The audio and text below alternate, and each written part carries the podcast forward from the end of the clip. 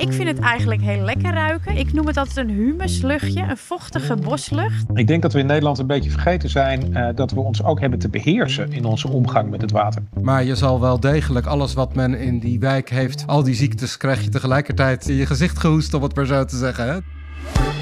3, 2, 1, go! Succes allemaal! De meest dankbare verkoeling in deze snikhete zomer en duik in het water.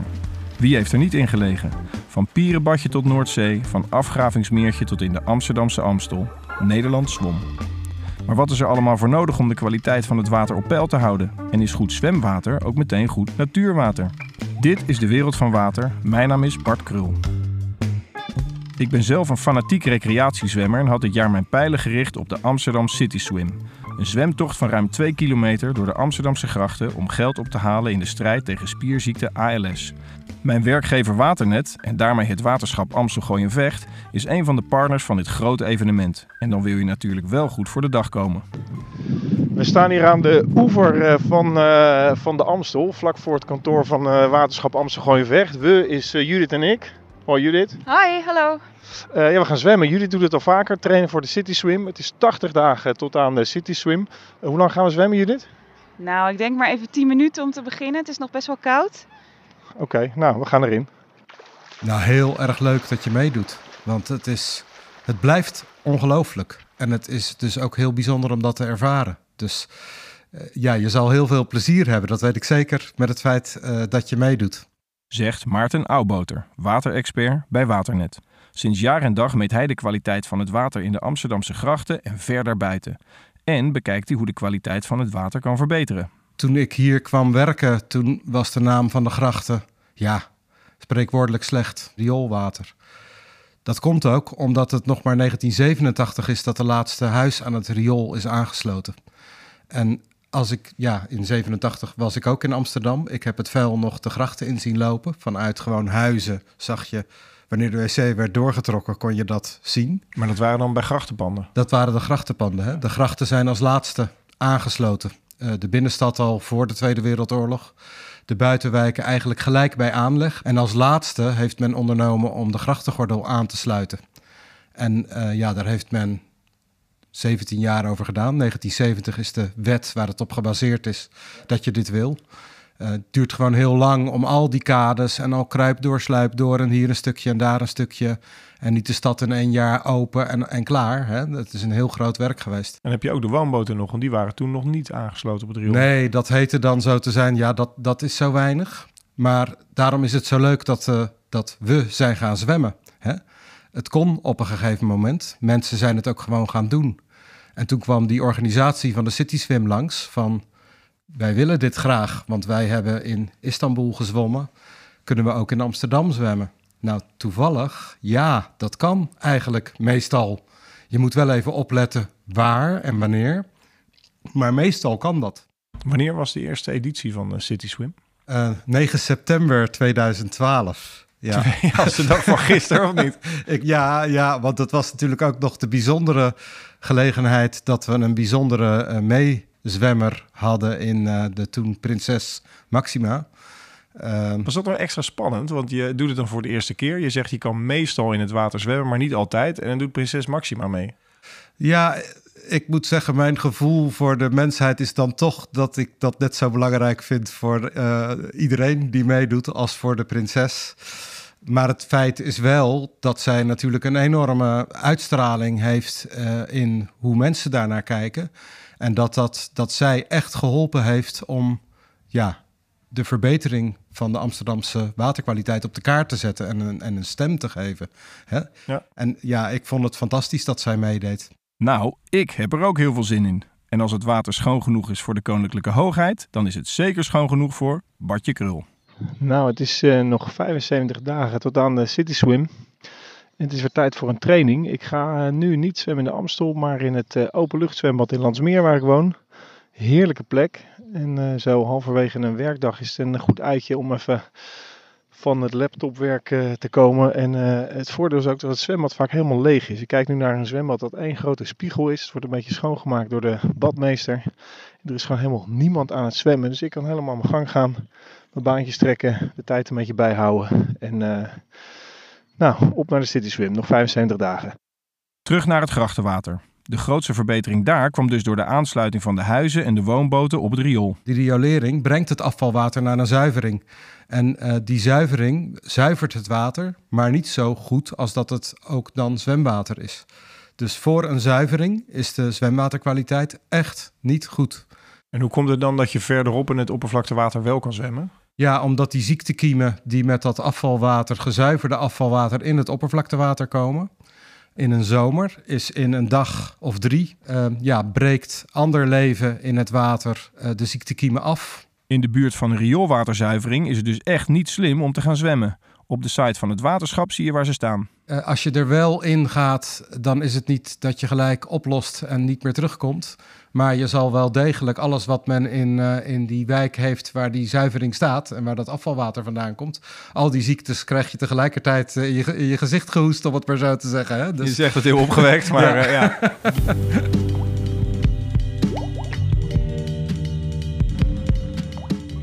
We gaan eens kijken hoe het er bij een rioolwaterzuiveringsinstallatie aan toe gaat. En dit is onze gids. Uh, ja, ik ben Manon Begger. Ik ben procestechnoloog en ik werk bij Waternet.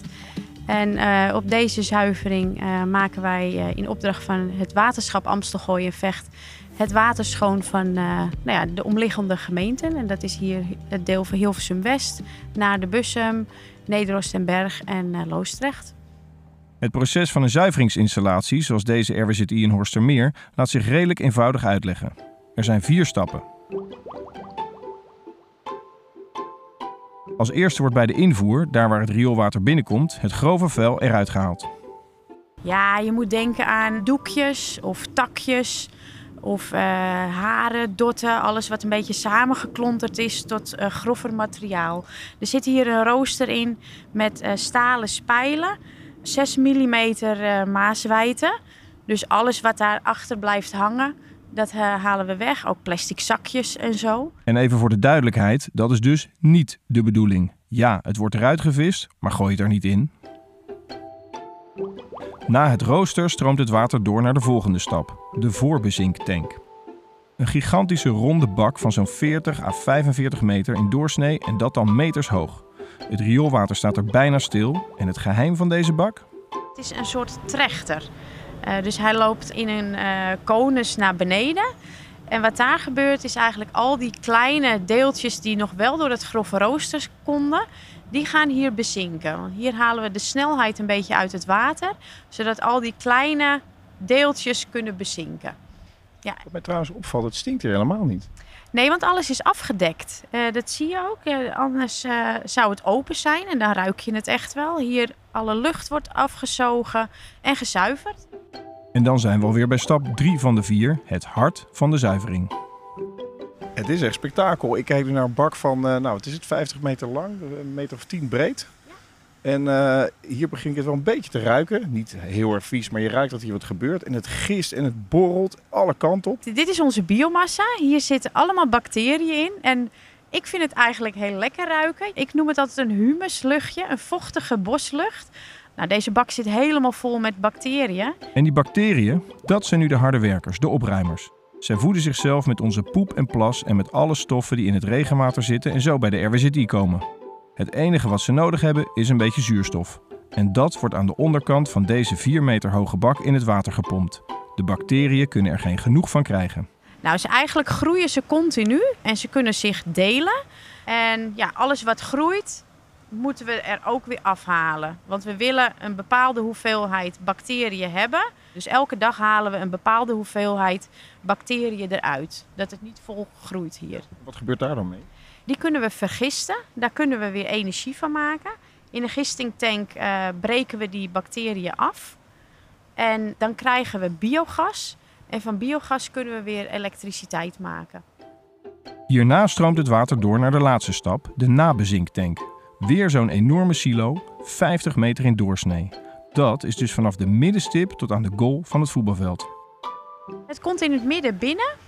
En dan eigenlijk hetzelfde idee als bij die voorbezinktank is dit ook een uh, trechter. En die eh, heeft ook weer een schraper op de bodem die dat materiaal wat naar de bodem is gezakt naar het midden brengt. En in het midden hebben wij weer pompen zitten en dan kunnen we dat eh, materiaal weer terug de zuivering op pompen. Stap 4. Hierna gaat al dit water het oppervlaktewater in. En ook een beetje zo'n term mee oppervlaktewater, maar wat is dat precies? Nou, het is eigenlijk gewoon slootwater of rivierwater. Dit wordt op de rivier de Vecht geloosd.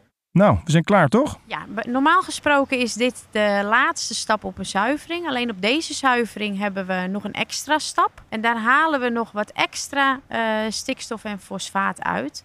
En daarnaast hebben we nog een pilotonderzoek draaien hier, waar we ook kijken naar het verwijderen van medicijnresten. Medicijnresten. Iedereen slikt wel eens een pilletje als hij ziek is en de resten van die medicijnen komen via onze poep en plas in het oppervlaktewater terecht. En daar worden de planten en dieren niet blij van. We staan nu voor een, eh, een tent en aan die tent zitten twee eh zeecontainers, knalgeel. En hier eh, doen wij dus onderzoek met ozon en een actief koolfilter. Onder de tent staat een 4 meter lang hoog eigenlijk filter met een diameter van 70 centimeter. Dus vrij klein, maar wel heel lang.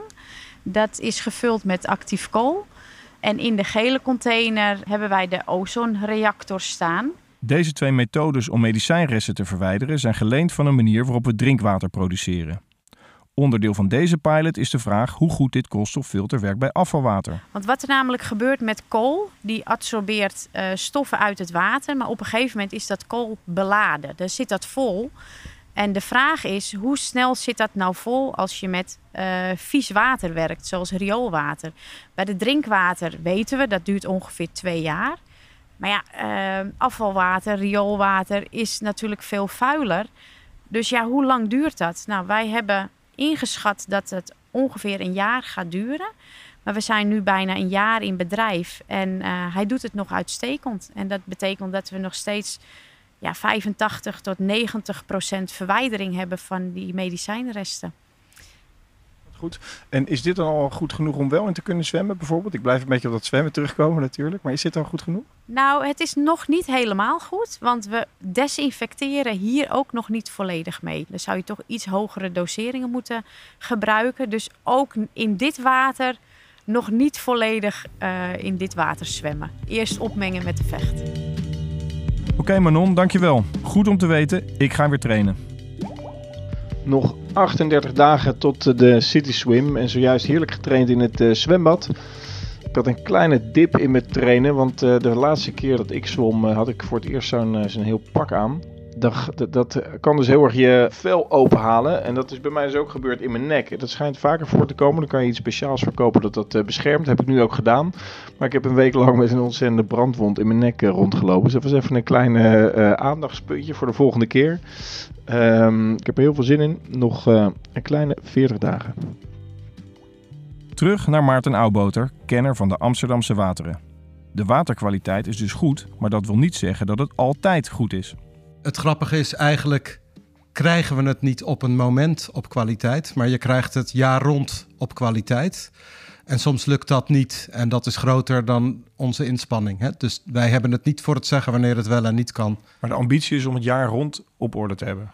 Uh, ik denk dat ons systeem van de Amsterdamse grachten in zich heeft dat dat nooit zal gebeuren.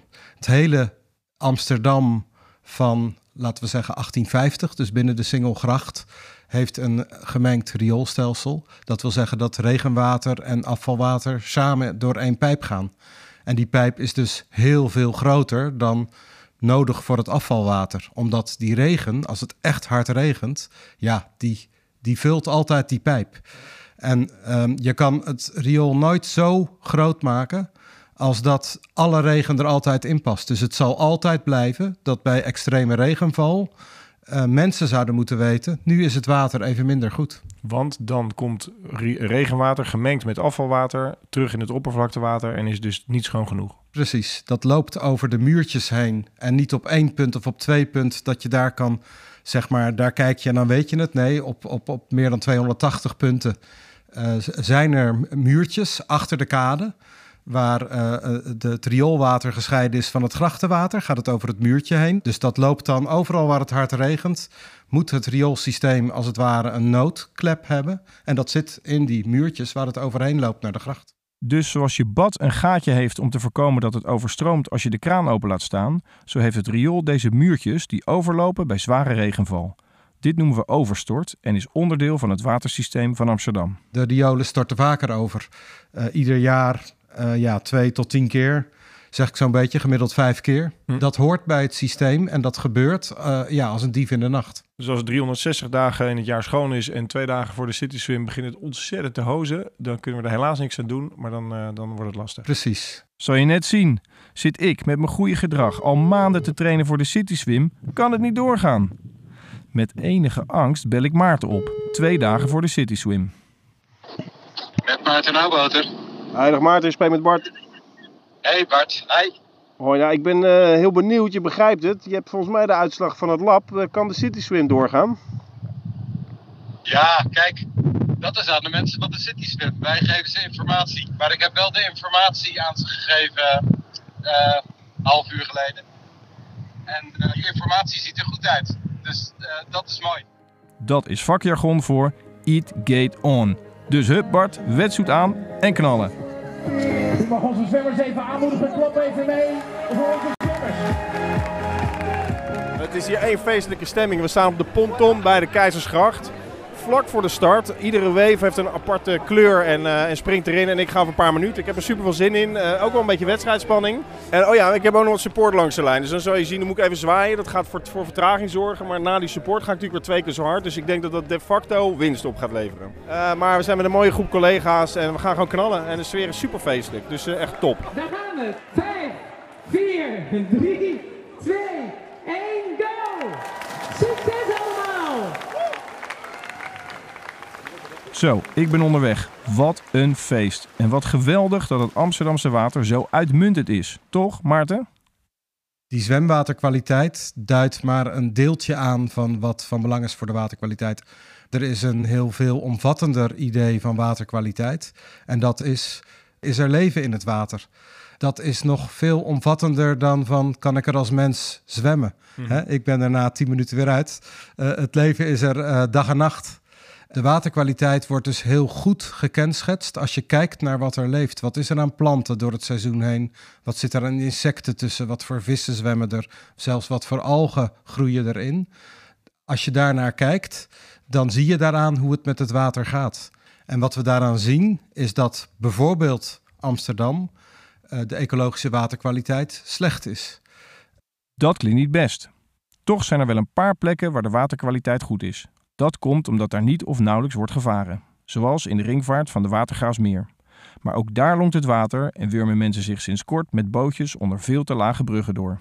De laatste twee jaar begint er gevaren te worden. Je ziet de vaarsporen in het water. Ook al wordt daar maar één of twee keer per week gevaren.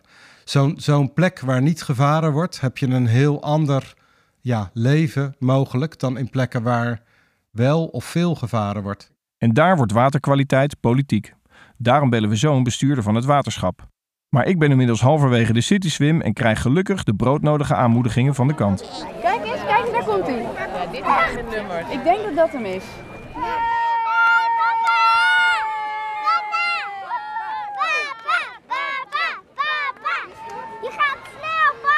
Dat geeft de burger moed. We bellen met Sander Mager, lid van het dagelijks bestuur van Waterschap Amstel Gooi en Vecht. Goedemiddag Sander. Dag Bart. Hij heeft waterkwaliteit in zijn portefeuille en is daarmee ook belast met de zogenaamde KRW. Dat is wat taaie stof, maar wel erg belangrijk voor iedereen om te weten. Ja, de KRW is een, een, een, Europese richtlijn die zorgt uh, dat wij in heel Europa, maar dus ook in Nederland, uh, echt zorgen dat het water schoon is. Dus dat de waterkwaliteit goed is. En je moet er dan aan denken dat dat gaat eigenlijk over twee dingen. Het gaat over chemie. Wat voor stoffen zitten er nou uh, in het water? en we zien dat er nog steeds, steeds meer vervuiling in het water komt. En daarnaast, naast chemie, gaat het ook over ecologie hoe natuurlijk is nou dat systeem en hoe weerbaar is dat ook dat systeem, dat als er een keer iets gebeurt, dat het systeem zich snel weer kan herstellen en dat de waterkwaliteit gewoon goed blijft. Over die twee punten gaat het bij de kaderrichtlijn water. Want, zoals Maarten eerder al zei, goed zwemwater is nog geen goed ecologisch water. Met deze richtlijn wil Europa ervoor zorgen dat de Europese wateren schoon zijn. En dit speelt al op korte termijn. Ja, 2027 is de deadline van die kaderrichtlijn uh, water. En dan moet uh, de, uh, ja, met name de ecologische toestand goed zijn van al dat water. En dat is nog maar vijf jaar. Dus we hebben nog maar vijf jaar te gaan om te zorgen dat die, die toestand van het water goed wordt. En we zien dat we weliswaar stappen gezet hebben, maar ook nog een flink gat hebben voordat we die doelen allemaal gaan halen in Nederland. En stel nou dat dat niet lukt, want vijf jaar is inderdaad kort. Wat zou dan de uiterste consequentie zijn daarvan? Wat, wat gebeurt er dan in Nederland? Ja, we hebben met het stikstofdossier gezien dat op een gegeven moment de rechter in kan grijpen en kan dwingen uh, om de, de, zaken beter te regelen dan ze tot nu toe uh, gedaan zijn. Om echt te borgen dat bijvoorbeeld natuur behouden blijft. Uh, wij maken ons wel zorgen dat dat ook bij de kaderrichtlijn water kan gebeuren. Want het is een vergelijkbare Europese richtlijn. Ik denk niet dat het hele land platgelegd zal worden. Maar je zal wel kunnen zien dat als die waterkwaliteit niet goed blijft, dat activiteiten uh, die een negatieve invloed hebben op de waterkwaliteit. Denk bijvoorbeeld aan bebouwing bij het water, of bepaalde landbouwactiviteiten of bepaalde industriële activiteiten, dat die gewoon niet meer vergunbaar zullen zijn en dat het dus nog veel minder kan in Nederland. En als we in die vijf jaar nou echt nog naar die richtlijnen toe willen werken, of die in ieder geval willen halen, waar is dan de grootste winst te behalen, denk je? de allerbelangrijkste winst is dat we met elkaar veel zorgvuldiger met het water om moeten gaan. Um, en dat moet iedereen uh, doen. Hè? De landbouw, de industrie, andere overheden. Ik denk dat we in Nederland een beetje vergeten zijn dat we ons ook hebben te beheersen in onze omgang met het water. We hebben zo'n enorm vertrouwen dat er altijd wel weer iemand het water schoonmaakt. En dat is niet eens een expliciet vertrouwen, dat is bijna een impliciet vertrouwen. En dat alles wat jij door je putje uh, spoelt, uh, dat dat heel weinig te maken heeft met de waterkwaliteit in de sloot. Of hoe jij je tuin beheert, dat dat iets te maken heeft met wat er gebeurt in die sloot.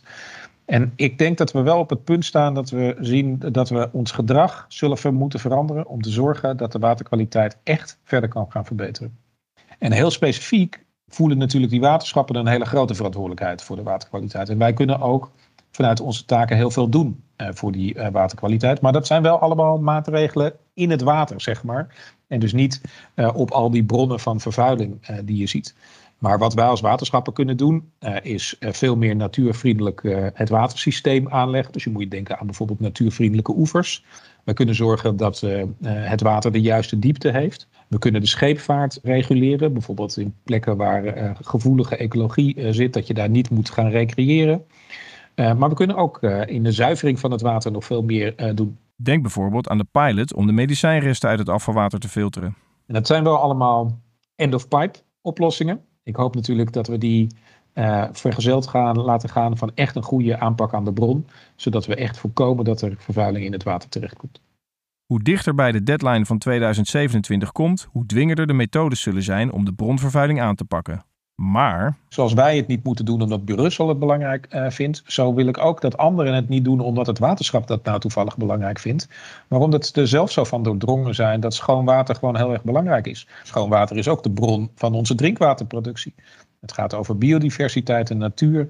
Maar het is ook het water waarin je kinderen aan het zwemmen uh, zijn. Dus er zijn zoveel motivaties om met z'n allen voor schoon water uh, te gaan dat ik hoop dat dat de aanleiding is om verdere stappen te zetten met elkaar. En niet omdat wij dat in onze wet en regelgeving gaan verankeren.